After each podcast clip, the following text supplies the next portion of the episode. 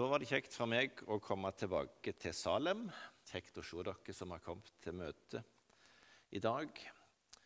Og gratulerer til dagen til alle mødre. Jeg eh, forteller rett så det er noen lystige historier fra heimen min. Eh, og noen tror kanskje at jeg har glemt at den har jeg fortalt før. eller sånt, Men av og til er det noe som bare passer litt ekstra godt. Og i dag passet det både i forhold til morsdag og litt i forhold til teksten. Så da eh, begynner jeg med en liten stubb. Vi bodde i Peru eh, og eh, bodde helt sør i Peru, i et sånn tørt ørkenområde som ligger nesten med grensa til Chile. Og så hadde vi vi hadde to gutter som ikke var veldig store. De var sånn to-tre år. Og så hadde kona mi tenkt at eh, hadde lyst til å reise på sånn en kvinneweekend og lurte på om eh, vi syntes dette var greit. Eh, og jeg sa at det, dette det er ingen problem, det klarer vi. Så du må reise med stor frimodighet. Og hun reiste og koste seg på kvinneweekend. og vi karene vi klarte oss riktig godt. De ungene fikk mat og, og søvn og og, jeg er mye omsorg. Eh, så vi var riktig fornøyde. Og Så kommer kona mi hjem på søndagen, og så spør hun han eldste eh, Når vi skal ete, så spør hun han eh, ja, har du lyst på, på skjeva nå, eller er det noe gryn du kunne tenkt deg? Eller? Og så svarer han som dette. Jeg vil ikke ha skjeva. jeg vil ikke ha gryn. Jeg vil bare sitte her og se på deg. Noen store øyne. Eh, så, så, det sa meg noe om at eh, om jeg gjorde mitt beste, så, så eh, var det ikke godt nok i forhold til ei mor. Nå, så han var veldig glad når han kunne se at hun faktisk kom tilbake. Så det var bra. Vi skal dele ifra Guds ord, men jeg tror vi ber litt sammen igjen. Kjære Jesus, takk at du er her. Og takk for at vi skal få lov til å være samla i ditt navn. Takk for det som vi har fått høre til nå i møtet. Og vi ber om at du kan gjøre ordet levende for oss, og gjøre sånn at eh, det kan bli til hjelp for vår tro, og at vi kan få leve i samfunn med deg. Amen. Det som er teksten for i dag, den står i Johannes kapittel 12, og ifra vers 20. Blant dem som pleide å dra opp for å tilbe under høytiden, var det noen grekere. Disse kom da til Philip, som var fra Betzaida i Galilea, og ba ham og sa, 'Herre, vi vil gjerne se Jesus.' Philip kommer og sier det til Andreas. Andreas og Philip går og sier det til Jesus, men Jesus svarer dem og sier, Timen er kommet da menneskesønnen skal bli herliggjort. Sannelig, sannelig, sier jeg dere, hvis ikke hvetekornet faller i jorden og dør, blir det bare det ene kornet. Men hvis det dør, bærer det mye frukt. Den som elsker sitt liv, skal miste det. Men den som hater sitt liv i denne verden, skal bevare det til evig liv. Den som vil tjene meg, han må følge meg. Der jeg er, der skal også min tjener være. Om noen tjener meg, ham skal Faderen ære. Nå er min sjel forferdet, og hva skal jeg si, Far, frels meg fra denne time? Men nei, derfor er jeg jo kommet til denne time. Far, herliggjør ditt navn. Da kom det en røst fra himmelen. Jeg har herliggjort det, og jeg skal igjen herliggjøre det. Folkemengden som sto der og hørte det, sa da at det hadde tordnet. Andre sa en engel talte til ham. Jesus svarte og sa, Ikke for min skyld kom denne røsten, men for deres skyld. Nå holdes dom over denne verden. Nå skal denne verdens første kastes ut. Når jeg blir opphøyd fra jorden, skal jeg dra alle til meg. Dette sa han for å gi til kjenne hva slags død han skulle dø. Det som vi leser om her, det skjedde kort tid eh, før Jesu lidelse og død. Eh, og disse grekerne eh, som vi leser om her, eh, de hadde nok hørt om Jesus. og hørt alt det som skjedde rundt han. Han, han taler ord som ingen andre. Han, han, har gjort noen ting som egentlig ingen forstår seg på. Der går rykter om at han har vakt opp døde. Han gir blinde syn igjen. Det der skjer så mye. Ja, det er virkelig en spesiell mann. Og det høres jo fint ut, det de kommer med, dette ønsket de har. Vi vil gjerne se Jesus. Eh, hvis noen kommer til oss og sier det, altså, så er det Yes, endelig, her er det noen som, eh, som, har lyst til å se og møte Jesus. Så fantastisk. Eh, da, da, vil vi være fornøyde. Jeg eh, opplevde en gang når jeg var i militæret, at jeg fikk en sånn en gyllen anledning. Eh, vi satt og passet på et eller annet oppå Høgjæren. Eh, og det ble en del dødtid, sånn som det av og til kan bli i militæret. Eh, og så eh, var det da en av de som jeg eh, var sammen med, og som jeg kjente godt, som sier Du Sverre, hvorfor er du egentlig en kristen? Og, og tenkte her, her har jeg min store mulighet. Og, og jeg fyrte av gårde og la ut om dette. Og så sa jeg bl.a.: Jeg har sett Jesus. Og da kom det rett tilbake. Hvordan så han ut? Eh, og da sleit jeg jo bitte litt med å ro meg i land, må jeg innrømme, eh, med dette kanans-uttrykket mitt. Eh, jeg har sett Jesus. Eh, men da fikk jeg forklare hva jeg mente med det òg, så det, det, ble egentlig ikke så tosje som jeg det, i utgangspunktet kunne tilsi. Eh, men så fikk jeg si noe om det. Når, når jeg sier det, eh, så mener jeg at jeg har sett i Bibelen at det Jesus gjorde, det gjorde han for meg. Og at det er nok til at jeg skal bli frelst. Men vi kan iallfall oppleve det som noe veldig positivt.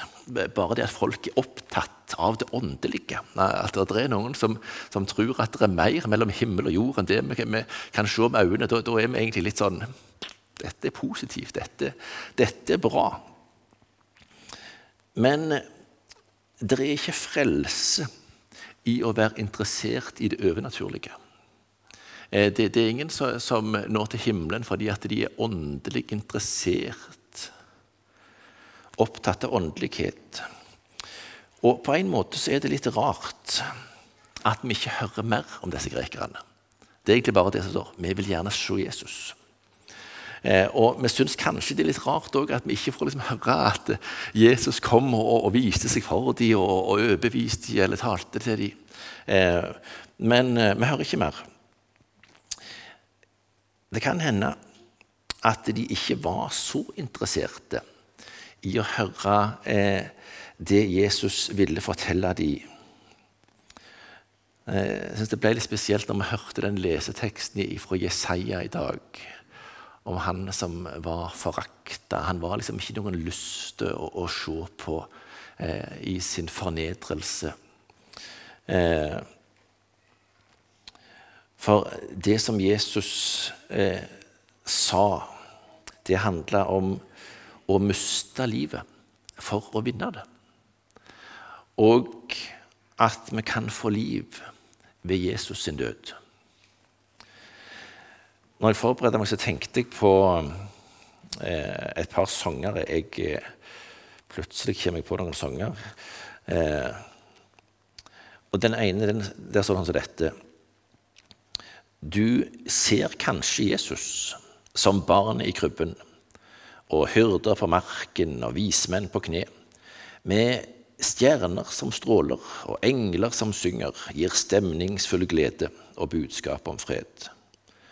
Du ser kanskje Jesus som lærer og mester, en fengende leder, et stort ideal, som gav oss et nytt bud, et bud om å dele.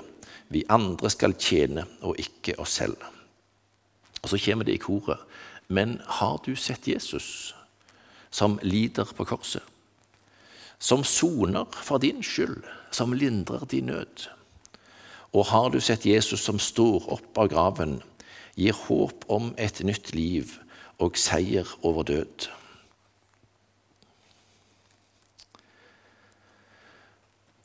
en annen sang som jeg tenkte på, der står det Jeg har ofte søkt, o Herre, mer velsignelse fra deg. Søkte bare dine gaver, nå du selv er alt for meg.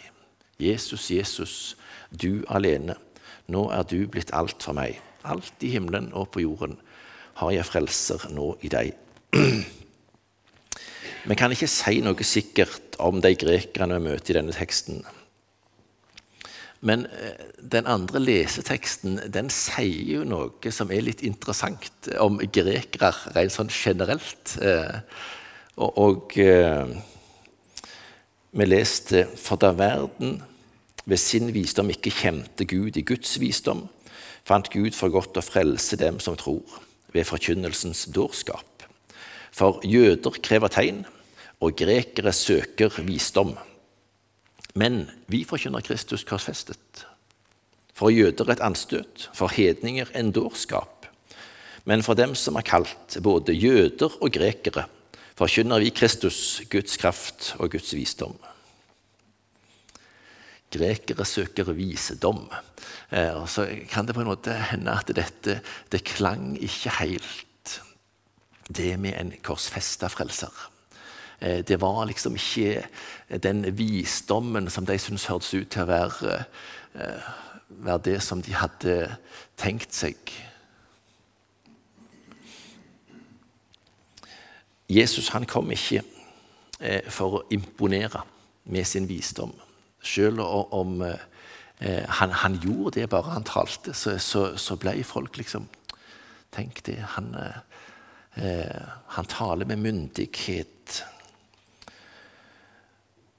Men han kom ikke for å imponere med sin talekunst eller for å bli populær med sine helbredelser og under.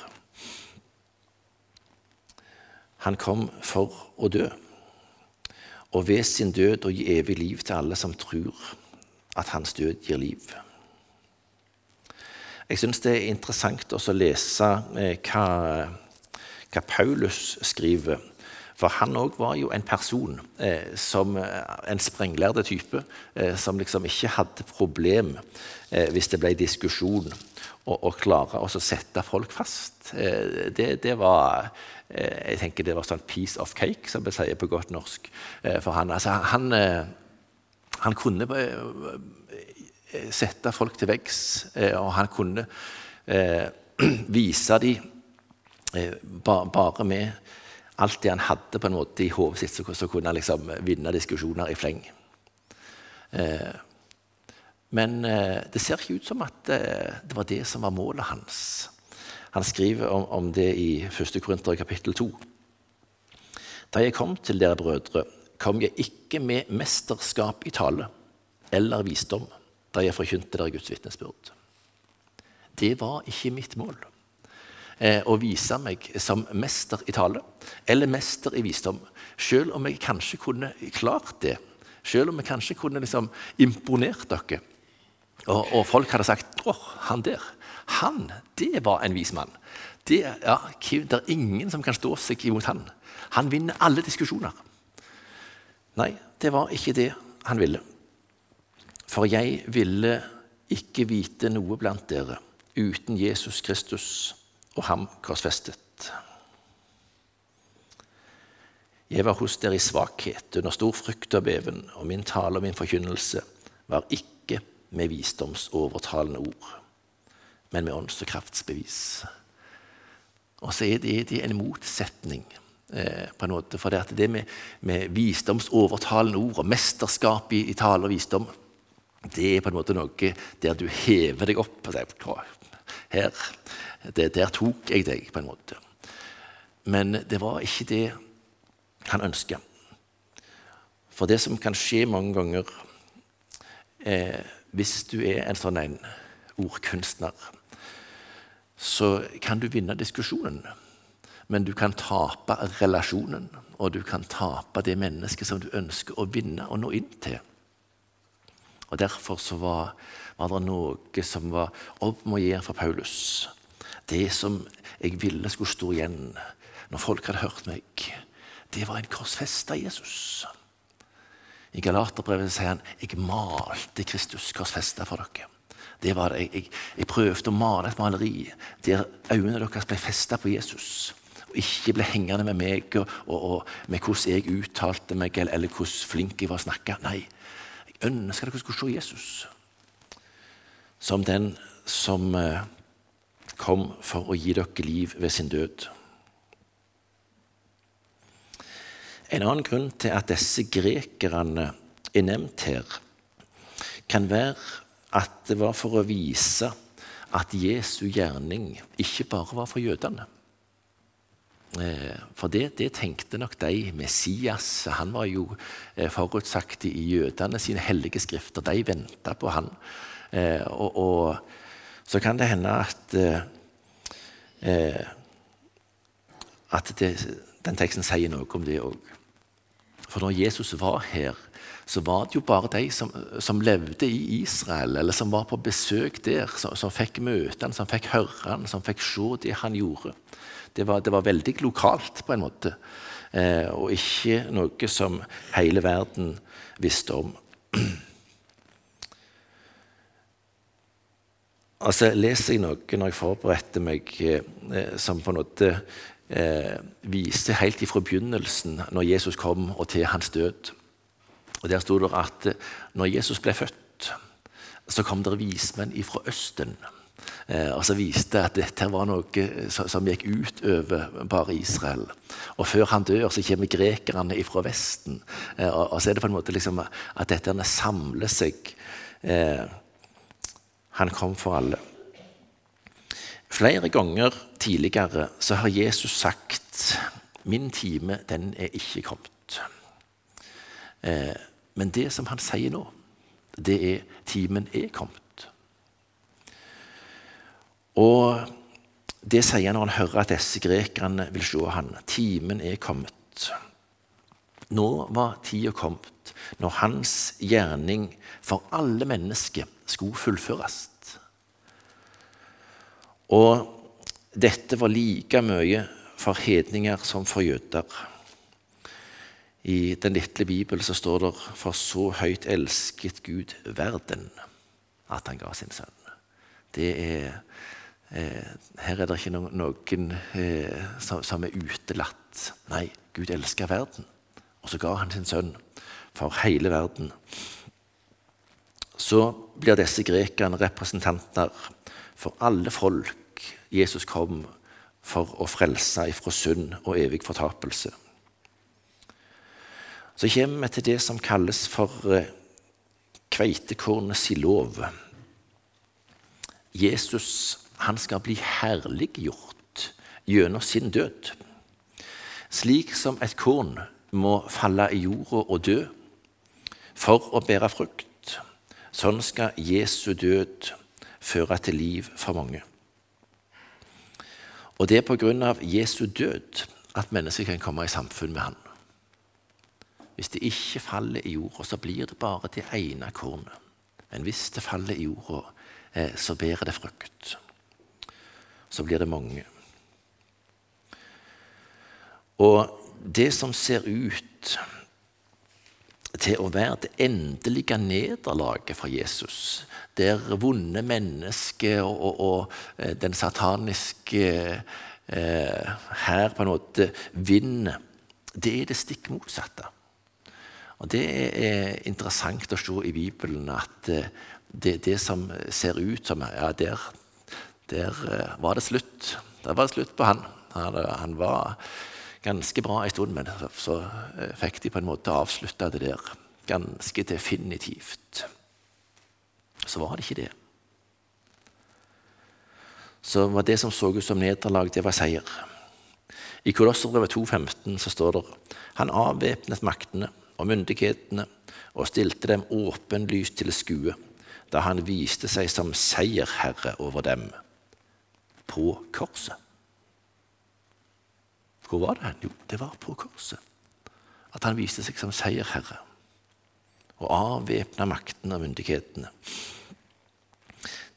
Denne kveitekornets lov, som handler om liv ved død, den gjelder òg eh, for oss som vil følge Jesus. leser vi videre her. Hvis vi bare tenker på oss sjøl, bare lever for oss sjøl, bare fokuserer på livet her på jorda, søker rikdom, søker nytelse, eh, så vil vi ødelegge livet for oss sjøl. Og det vil ikke bære frukt. Men ved vår egoisme, ved vår, vår eh, egosentriske liv, eller sjølsentrering Hvis vi fornekter det som er på en måte det naturlige for oss, at vi, ja, jeg, jeg vil bare leve for meg sjøl Hvis vi fornekter det og lever for Jesus i stedet for oss sjøl, så vil vi bevare livet for evig, står det her. Og da tenker jeg at vi må, må si noe som Bibelen lærer oss, og som Jesus forkynte til folk. Og det handler om at eh, du må ikke være kortsiktig. Eh, du, du, må tenke lenger enn bare det som, som handler om dette livet her på jorda. Du må ikke være nærsynte, for livet her på jorda er bare et øyeblikk i forhold til evigheten. Og om du må forsake noe som du faktisk har lyst til på jorda, så betyr det bokstavelig talt ingenting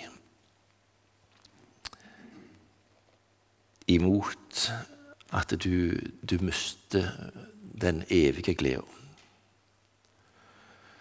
Å hate livet sitt i denne verden det er, det er ikke bokstavelig meint at vi skal være noen som hater livet. Eh, men det handler om eh, den egentlige meninga med det uttrykket eh, leser jeg at det handler om å sette noe annet framfor. Du må ikke sette det som du kan oppnå i dette livet, framfor forholdet til Jesus. Du må ikke eh, la det få ødelegge for det viktigste av alt. I en sang som jeg ofte siterer, der står det Om jeg eide alt, men ikke Jesus, tror du det var nok å stole på?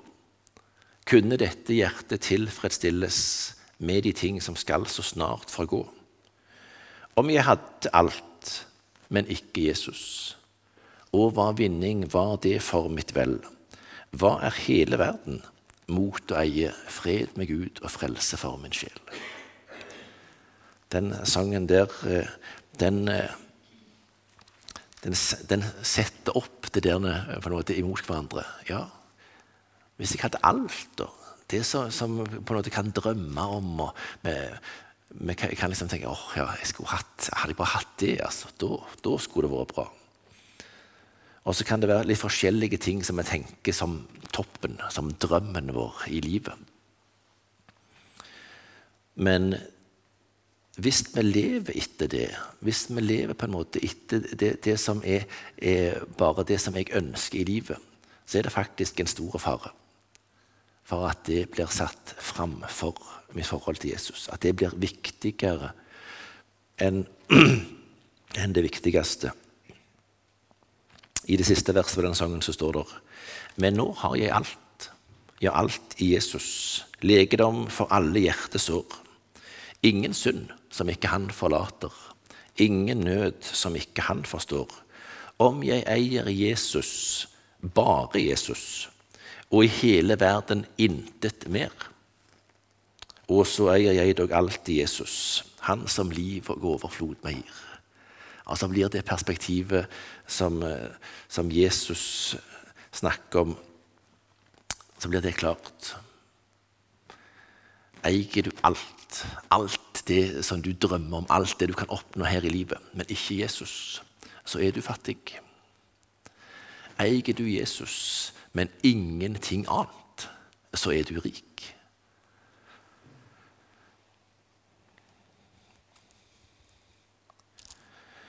så sier Jesus noe om å tjene Han, og at det handler om å følge Jesus og være der han er. Veien til storhet i Guds rike, det er tjenestens vei. Eh, og den er på mange måter omvendt av det som er verdens tankegang. Det er sånn bakvendt land. I Markus 10 så, så, sier Jesus noe om det fra vers 42. Men Jesus kalte dem til seg og sa til dem.: Dere vet at de som gjelder for å være fyrster for folkene, hersker over dem. Deres stormenn bruker makt over dem. Slik skal det ikke være blant dere. Men den som vil være stor blant dere, skal være alles tjener. Og den som vil være den første blant dere, skal være alles trell. For menneskesønnen er ikke kommet for å la seg tjene, men for selv å tjene og gi sitt liv som løsepenge i manges sted.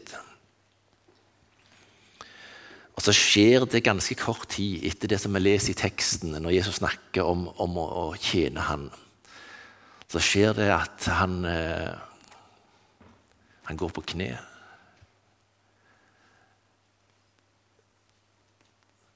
framfor sine disipler, og så vasker han føttene deres. Og så viser han nettopp dette. Jeg, jeg, er herre. Jeg er mester. Men nå gir jeg dere et forbilde på hva storhet er i mitt rike. Det handler om å tjene. Det handler om å gi. Det handler om å leve for andre enn deg sjøl. Og så får vi et glimt etterpå her, inn i Jesu redsel og angst for det som venter han. Skal jeg si, Far, frels meg ifra denne time, sier han. Nei, derfor er jeg jo kommet. Og så ser vi eh, veldig tydelig her Jesus hadde et veldig tydelig mål eh, med hvorfor han kom. Jo, det er derfor jeg er kommet. Det, det er nå det skal skje.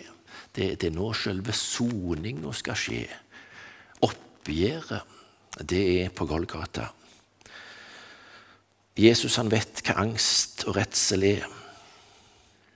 Men han ville ikke gå utenom det som han frykta sånn. For det var nettopp derfor han var kommet. Og så ber han, når han på en måte tenker på dette nå, nå, venter det meg noe helt forferdelig. Noe som egentlig ingen kan, kan klare å forstå og, og beskrive. Eh, og, og, jeg er fullt av angst. Og så er hans bønn, Far, herliggjør ditt navn. La dette bli til ære for deg, Gud. Og så skjer det enda en gang at Far ifra himmelen taler over sin sønn. Jeg har herliggjort det. Og det skal jeg gjøre igjen. Jeg skal igjen herliggjøre det. Og, og så blir dette det merkelige paradokset her, som sikkert var vanskelig å, å forstå for de vise, at Jesus han blir herliggjort med å henges opp på et kors. Med å dø som en forbryter. Eh, å være en forakta, en som blir spytta på, en som blir slått og tårnekrona. Så blir han herliggjort. Så er det sånn han ærer Gud. Og så har Jesus, har Jesus herliggjort Gud med sitt liv. Og så skal han herliggjøre Gud med sin død.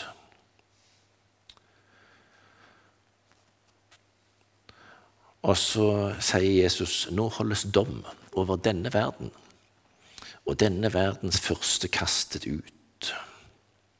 Djevelen, han har uh, tilrana seg makt over verden, over mennesker, med løgn og bedrag. Nå kommer han som er sannheten. Og så nærmer det seg at han skal gå på nederlag. Og det er profetert helt fra syndefallet, sitt dag, for syndefallet sin dag at det skulle komme en i kvinners gjett og gi banesåret til djevelen. Han skal knuse ditt hode, og du skal knuse hans hæl.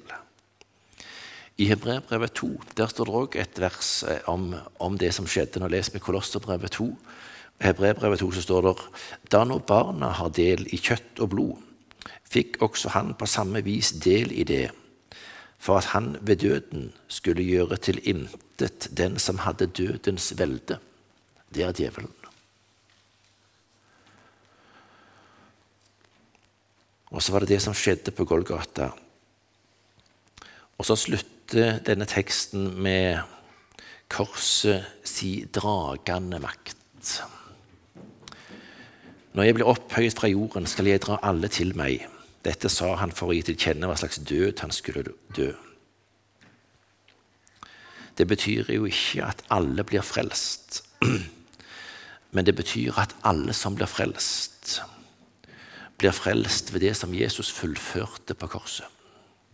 Det er ingen andre måter å bli frelst på. De som lar seg dra eh, av dette budskapet om Jesus som dør, de blir frelst.